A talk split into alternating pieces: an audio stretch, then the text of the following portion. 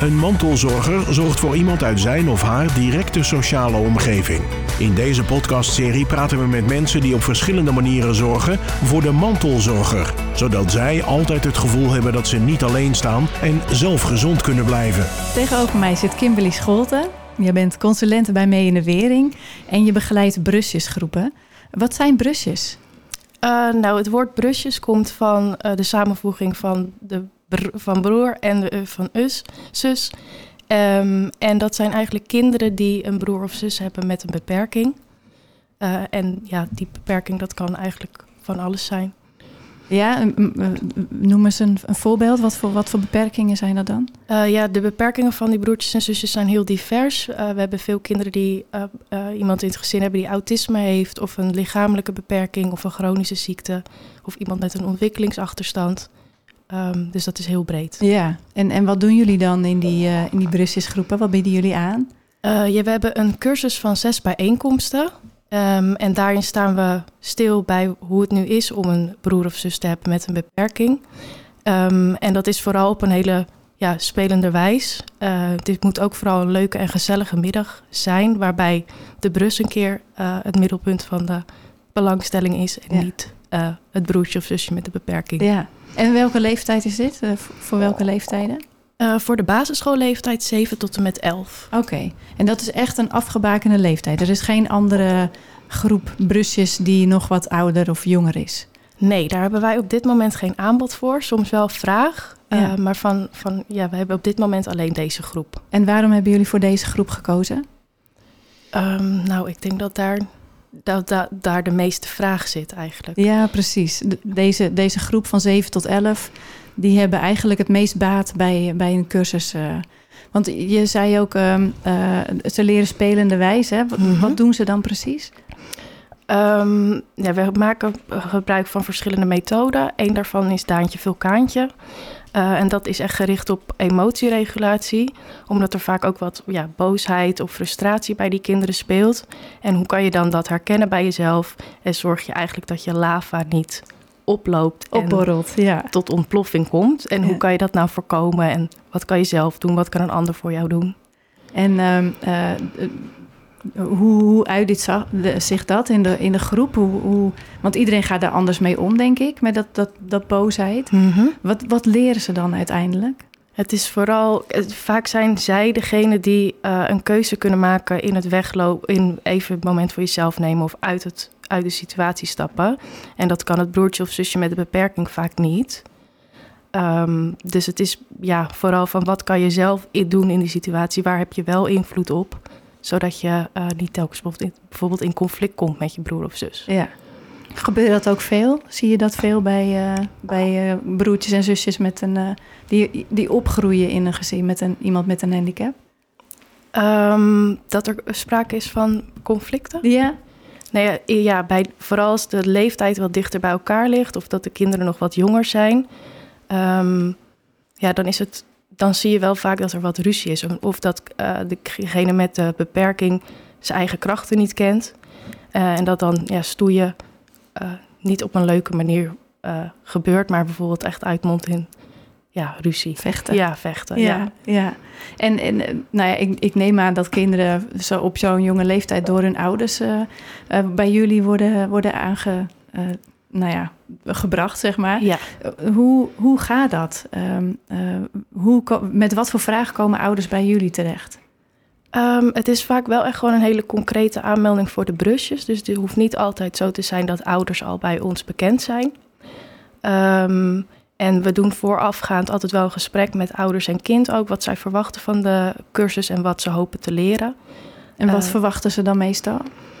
Uh, ja, het is ook wel echt een ontmoetingsgroep om gewoon te ervaren en te zien dat er nog meer mensen zijn zoals zij. Dat er nog meer uh, broertjes en zusjes zijn die ook iemand thuis hebben met een beperking. Um, dus het niet alleen daarin staan. Ja. En waarom is dat zo belangrijk dat ze dat weten?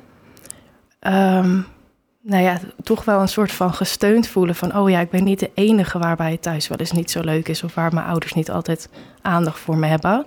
En je merkt dat ze dat, ze dat heel steunend vinden. Ja, ja. En wat, wat verwachten ze uiteindelijk te leren? Um, ja, de meeste wel van hoe kan ik beter omgaan met mijn broer of zus... Uh, maar het stukje, het, het feit van dat er meer mensen zijn die in dezelfde situatie zitten, um, haalt ook, ja, brengt ook wel dat ze uh, het wat meer kunnen relativeren of in perspectief zien. Van, omdat je dan niet de enige bent, dat het ook minder ja, als zwaar wordt ervaren. Ja. Ja, dus dat, dat erkenning van ik ben niet de enige, dat is ook echt wel het belangrijkste, denk ik dan, van de, van de groep. Ja, dat staat echt op, nu, ja, eigenlijk op één. Het is echt een ontmoetingsgroep en vandaar ook dat, het, uh, dat zij echt uh, ja, een keer in het middelpunt staan en dat we vooral heel, heel veel leuke dingen gaan doen. Ja, en, en kan je nog meer, je hebt net al iets van die uh, haantje vulkaantje genoemd. Wat voor leuke dingen doen jullie nog meer? Uh, ja, Daantje. Ja. Oh, Daantje. Ja, Daantje het vulkaantje. um, we doen heel veel met knutselen. Um, ik zit even te denken, ze gaan bijvoorbeeld een, een, stamboom maken van wie zijn er nou belangrijk voor jou in je familie. Die stamboom, wat, wat is daar het nut van? Nou, om te kijken van uh, wie zijn er belangrijk in mijn leven en wat, wat heb ik aan die mensen? Wie, wie is, ja, wie, hoe zou ik het zeggen? Uh, zou je ook al daarmee kunnen aangeven van, joh, stel als je een vraag hebt, stel die dan aan, aan degene aan de stamboom? Ja, eigenlijk wat is jouw netwerk en wie is er steunend voor jou? Ja. Uh, en dat gaan ze dan tekenen en uh, opschrijven. we doen vaak een dilemma-spel. Dus ehm, hebben jouw ouders wel eens minder tijd voor jou? ja of nee? En dan gaan we aan de hand van die dilemma's daar weer over in gesprek. En, en hoe uh, gaat dat in zo'n groep? Want ik kan me voorstellen, je hebt kinderen van 7 tot 11. Die liggen qua leeftijd ook best wel uit elkaar, uh, denk ik. Mm -hmm. En qua ontwikkeling. Um, hoe gaat dat in zo'n groep? Kunnen ze elkaar ook een beetje steunen? Ja, daar staan we eigenlijk telkens weer een beetje versteld van. Want vooraf denken we wel eens van, oh jee, uh, er zit wel een hele jonge tussen en vrij veel ouder, maar eigenlijk vindt dat altijd elkaar wel weer. En, en, leren ze ook wel weer van elkaar, ja. Ja, en hoe gaat dat dan?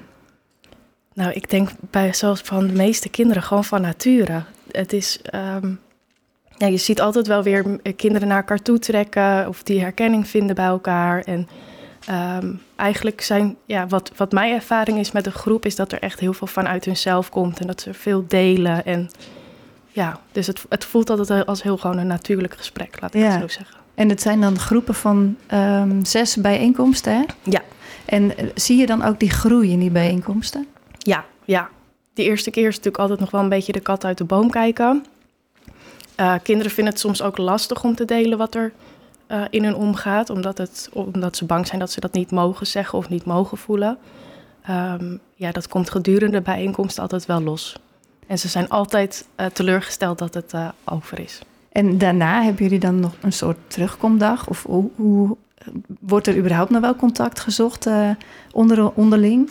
we hebben wel eens groepen die gewoon onderling gegevens hebben uitgewisseld. Dus die ja, buiten mee in de wering met elkaar hebben afgesproken. We hebben ook wel eens een terugkomdag um, georganiseerd. Um, maar de cursus bij ons is wel gewoon die afgebakende zes bijeenkomsten. Maar het zou natuurlijk heel mooi zijn als er een organisatie is in deze omgeving die dat eigenlijk ja, voortzet in de vorm van een lotgenotendag. Ja. Of... Want wat, het zijn dus zes delen. En hoe zien die delen er dan uit? Wat, wat voor opbouw zit daarin? Um, ik zit even te denken. Ja, er staat wel elke keer een thema centraal. Uh, over wat is nu een beperking? Wat komt daarbij kijken? Hoe werkt dat bij jullie thuis? Um, er zitten die, dat daantje vulkaantje, dat is echt ja, dus emotieregulatie. Dat is uh, wat drie bijeenkomsten volgens mij. Um, ja, en daartussen zit, uh, ja, zijn vooral spelletjes om gesprek op te starten en ervaringen te delen. Ja, en merk je dan ook dat je iedere groep weer opnieuw weer eventjes dat drempeltje over moet, van elkaar weer leren kennen en durven spreken? Aan het begin van een nieuwe groep? Of nee, uh, iedere, iedere sessie, zeg maar, ja. Uh, nee, eigenlijk niet. Het is meteen... Uh... Ja, ja. Vaak is het, moeten ze wachten in de hal tot wij ze komen halen. En is het daar eigenlijk al een hele drukke boel van spelende kinderen. Ja. Dus ja, ik vind het altijd heel bijzonder hoe zij elkaar dan weer zo weten te vinden. Ja, ja leuk is dat. Ja. En, en hebben jullie er nooit over nagedacht om het gewoon een terugkerend iets, iets te zijn? Waar, waarom is het precies die zes sessies? Um, ja, dat is meer de soort dienstverlening die wij dan weer bieden. Um, want op een gegeven moment, een lotgenotengroep is natuurlijk niet... Um, of een, een leuke middag voor een terugkombijeenkomst hoort dan weer niet echt bij mee in de wering. Uh, omdat en wij, waarom, waarom niet? Omdat wij meer begeleiding en ondersteuning bieden. Um, ja, dat, dat hoort gewoon niet bij ons. Ik weet in andere uh, provincies of in andere gemeentes wordt dat. Ik heb er ook wel eens met jullie over gesproken, met het mantelzorgcentrum, om daar samen iets in te doen. Ja. Uh, maar binnen mee in de wering hebben wij dat niet. Nee, nee, want ik kan me ook voorstellen dat je inderdaad die groep hebt van, van zes bijeenkomsten. Dat je daarna, uh, uh, omdat ze dan ook zo leuk met elkaar omgaan, dat je dan dat voort wil zetten. Ja, dat zou mooi zijn als dat inderdaad via het mantelzorgcentrum kan. Ja. Praten we nog wel een keertje over, ja, over ja, verder. dat is een heel goed idee. in ieder geval, um, wat ik ook nog wilde weten, want je, het, het, zijn echt brusjes hè, um, die in deze groep zitten. Het zijn jonge mantelzorgers, maar jonge mhm. mantelzorgers is breder dan dat. Dat zijn natuurlijk ook kinderen uh, waarvan de ouder ziek is. Um, kunnen die ook bij jullie groep terecht? Uh, nou, daar is de groep niet speciaal voor ingericht. Het is echt wel voor een broertje of zusje binnen het gezin die uh, een beperking heeft. Ja, en, en um, waarom zou een, een, een kind dat opgroeit met een zieke ouder daar niet tussen passen? Nou, ik denk niet dat het per se er niet tussen zou passen, maar het programma is meer geschreven op uh, de broertjes of zusjes. Um, en wellicht dat er ook wel een beetje verschil zit in de problematiek die zij tegenkomen. Um, in principe hebben deze kinderen allemaal gewoon twee, uh, één of twee steunende ouders. Uh, en de rol van een ouder is natuurlijk wel echt anders dan de rol van een broertje of zusje. Ja, ja, snap ik wel. Je hebt natuurlijk al met een broertje of zusje moet je de aandacht delen van je ouders. Ja, ja. Daar eh, zit het hem vaak in, ja. Ja, en hoe, um, hoe gaan die kinderen daarmee om? Dat, dat want ik snap, uh, een, een ziek broertje of zusje, ja, daar kan je soms uh, tegenaan lopen. Maar je moet inderdaad ook die aandacht van je ouders delen. Mm -hmm. hoe, hoe gaan kinderen daarmee om? Um, ja, ik moet zeggen, niet alle kinderen ervaren dat per se als een probleem. Oké. Okay. Um, er zijn natuurlijk ook beperkingen die niet... Uh, zoveel invloed hebben op het dagelijks leven. In de zin van dat je wel gewoon met z'n allen wat kan ondernemen als gezin. Um, anderen ja, die bespreken het met ouders. Of ouders maken tijd vrij om af en toe ook eens een keer één op één wat met het uh, andere kind te gaan doen. Uh, dus het, het, verschilt heel erg. De ene, ene broer of zus schaamt zich weer voor de broertje of zusje met een beperking en wil echt niet dat hij meegaat naar de bioscoop. Ja. En de ander zegt, nou, jij is hartstikke gezellig. Ja, en, en um, wat jij net zei over het, um, uh, dat, dat sommige kinderen zich schamen voor een broer en zus. Komt dat ook weer terug in, uh, in jullie cursus? Ja, daar hebben we het wel zeker over. Daar gaan ook echt die dilemma's en die stellingen over. En wat, wat je dan doet en waarom je je schaamt voor je broer of zus. Ja, en, en um, uh, die kinderen die, de, die daar komen, zijn er ook wel eens kinderen die zeggen: Nou, ik, heb, ik, ik zit hier wel, maar ik, ja, ik heb er eigenlijk helemaal geen last van, van mijn broertje of zusje. Ja, die hebben we ook wel, ja. Hoe gaan jullie daarmee om? Um, nou, toch vinden ze het vaak wel gewoon fijn om onderdeel te zijn van de groep. En uh, dus te zien dat zij niet de enige zijn. Uh, maar ook juist die verhalen van degene waar, die er geen last van hebben, zijn soms ook weer inspiratie voor de kinderen die er wel last van hebben. Van, je, dat het dus ook wel anders kan. Of ja. hoe doet diegene dat dan die er geen last van heeft? En heeft die nog tips voor de anderen? Ja, ja, dus dan kunnen ze van elkaar ook weer leren ja. tijdens zo'n. Uh, ja. En um, uh, de, de, de, er schiet iedere keer een vraag in mijn hoofd en dan schiet hij weer weg. um, uh, de ouders die hun kinderen dan aanmelden, hebben jullie daar ook gesprekken mee? Um, ja, uh, voor de, ja, als het kind wordt aangemeld, bespreken we natuurlijk altijd even wat de problematiek is en of het inderdaad passend is uh, om het kind in de groep uh, te plaatsen. Ja. zij moeten altijd een formulier ook van tevoren invullen met hun verwachtingen en bijzonderheden. En bespreken ze dan nog een keer gezamenlijk met het kind. En is dat dan achteraf, na de cursus zeg maar, of tijdens? dit is, dat is voorafgaand aan de mm -hmm. training. Um, en ook de kennismaking met het kind is ook om gewoon even de trainers te zien, alvast de ruimte te weten, zodat ze ook wat meer op hun gemak zijn en weten wat er van hun verwacht wordt. Uh, normaal gesproken hebben we de laatste bijeenkomst dat we ook de ouders uitnodigen, zodat zij kunnen laten de kinderen kunnen laten zien aan de ouders wat ze hebben geleerd en gemaakt. Helaas door corona is dat de laatste twee keer niet gelukt. Ja. Um, en jullie en, kunnen de kinderen nog wel ontvangen, omdat ze natuurlijk ja, onder de twaalf ja, zijn. Klopt. Ja, klopt. Dus de training is wel gewoon fysiek. Ja. Uh, dus dat is wel heel fijn, want ik denk ja, anders dan kan je ook niet doen wat je wilt doen. Nee, ik denk dat digitaal dat dit wel een uitdaging zou worden. Ja, dat denk ik ook, ja. Ehm, en de laatste bijeenkomst, normaal gesproken als de ouders erbij zijn... dan vragen wij de ouders ook altijd om een kaart mee te nemen... met een positieve boodschap ervan uh, op, uh, over hun kind... en waarom ze zo trots op hun zijn.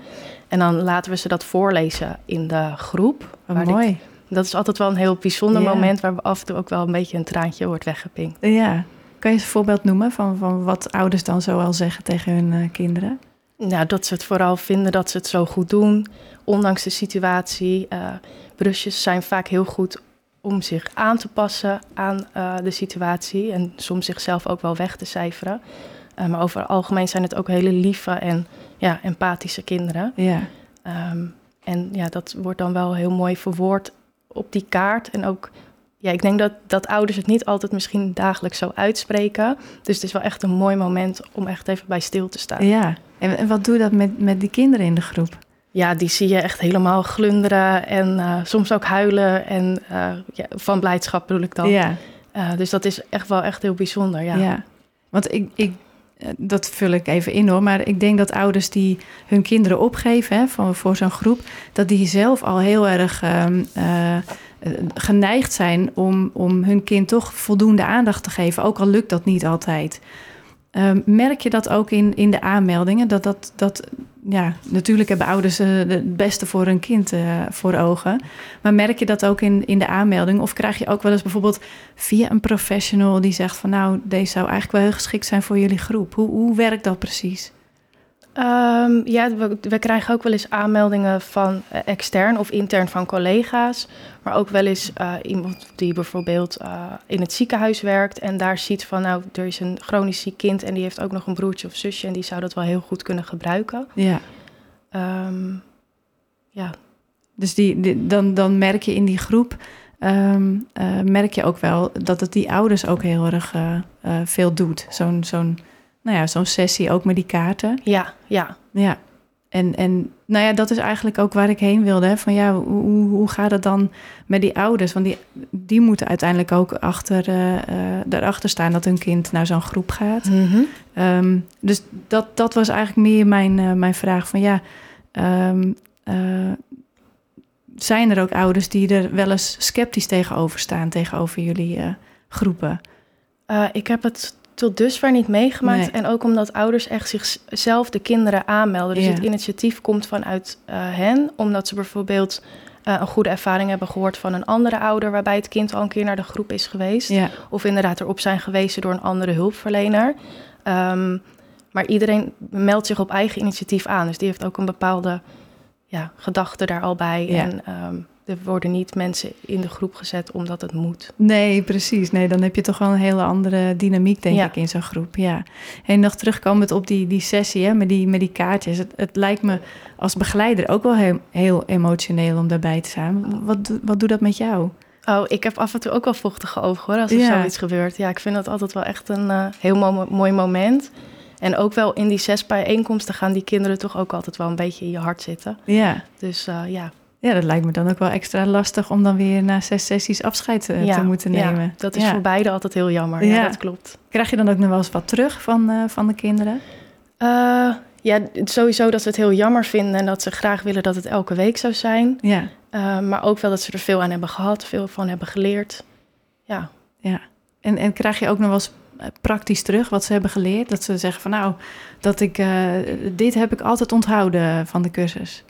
Uh, nou, in de laatste groep um, was er eigenlijk een tip vanuit een van de kinderen. Die zei van, nou, als er dan wat gebeurt met je broer of zus... dan kan je er gewoon voor kiezen om uit de dramacirkel te stappen. Dus uit het moment te gaan.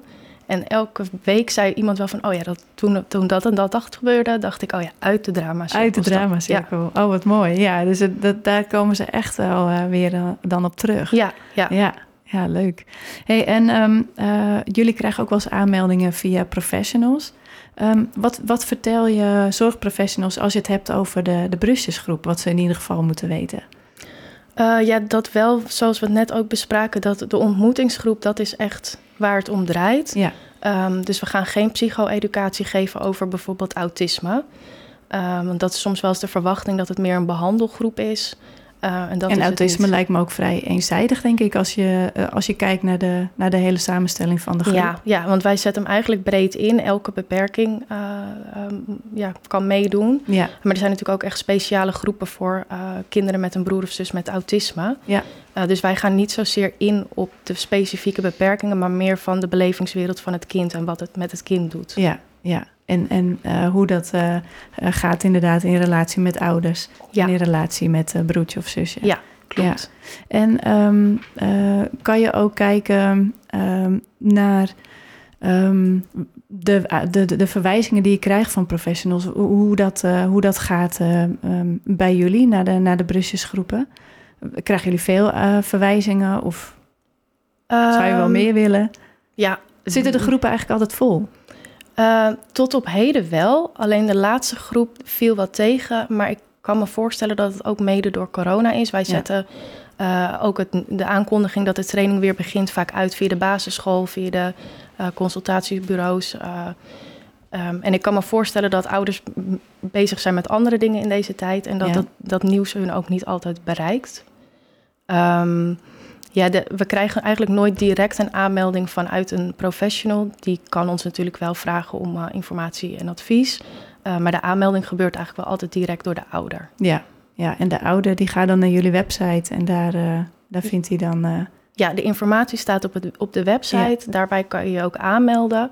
En uh, Michelle, de collega waarmee ik de training geef, of ik nemen dan altijd even contact op om het uh, door te spreken. Ja, ja precies. Um, en zou je dan ook nog wel uh, meer aanmeldingen willen? Ook nu natuurlijk coronatijd, maar um, uh, straks ook weer als het gewoon weer uh, gaat lopen? ja, wij geven, de groep staat nu twee keer per jaar gepland. Ja. dus we kunnen twee keer acht kinderen meedoen. Maar als het aanbod er is, dan staan wij juist... ik, tenminste, ik vind het zo leuk om te doen dat ik een Ja. hele jaar er wel mee zou willen vullen. Ja. Um, ja. Gaat, het, gaat het ook wel eens niet door vanwege te weinig aanmeldingen? Nee, dat willen we eigenlijk uh, ten alle tijden voorkomen. Dus Ja. als er ook als er vier kinderen zijn, dan uh, gaan we gewoon door. Ja, ja precies. Hey, en tot slot, heb jij nog een, uh, een tip voor brusjes of jonge mantelzorgers? Um, nou, ik zit even te denken. Ja, misschien voor de ouders. Je hebt zo'n heel leuk boekje van Vertel eens. Um, en dat is eigenlijk wel een hele mooie om bijvoorbeeld voor het slapen gaan... toch even dat moment te creëren uh, met dat ene kind... om die ook wat extra aandacht uh, te geven. En dat is een boekje met allerlei vragen... die je dan elke dag met z'n tweeën kan doornemen. En wat ook weer heel mooie ja, gesprekstof oplevert. Ja. En nemen jullie dat ook mee in de, in de cursus, dat boekje? Uh, voor ons niet, maar wel als tip naar de ouders Ja. om daarmee verder te gaan. Ja. Oh, mooi. Nou, zullen we ook even de gegevens daarvan uh, op de website Ja. zetten. Helemaal goed. Kimberly, bedankt voor dit fijne gesprek. Graag gedaan. Wil je nou meer leven, eh, weten over dit onderwerp? Ga dan naar onze website mantelzorgcentrum.nl. Bedankt voor het luisteren en tot de volgende keer. Dit was Mantelzorger. En nu een samenwerking tussen Streekstad Centraal en het Mantelzorgcentrum.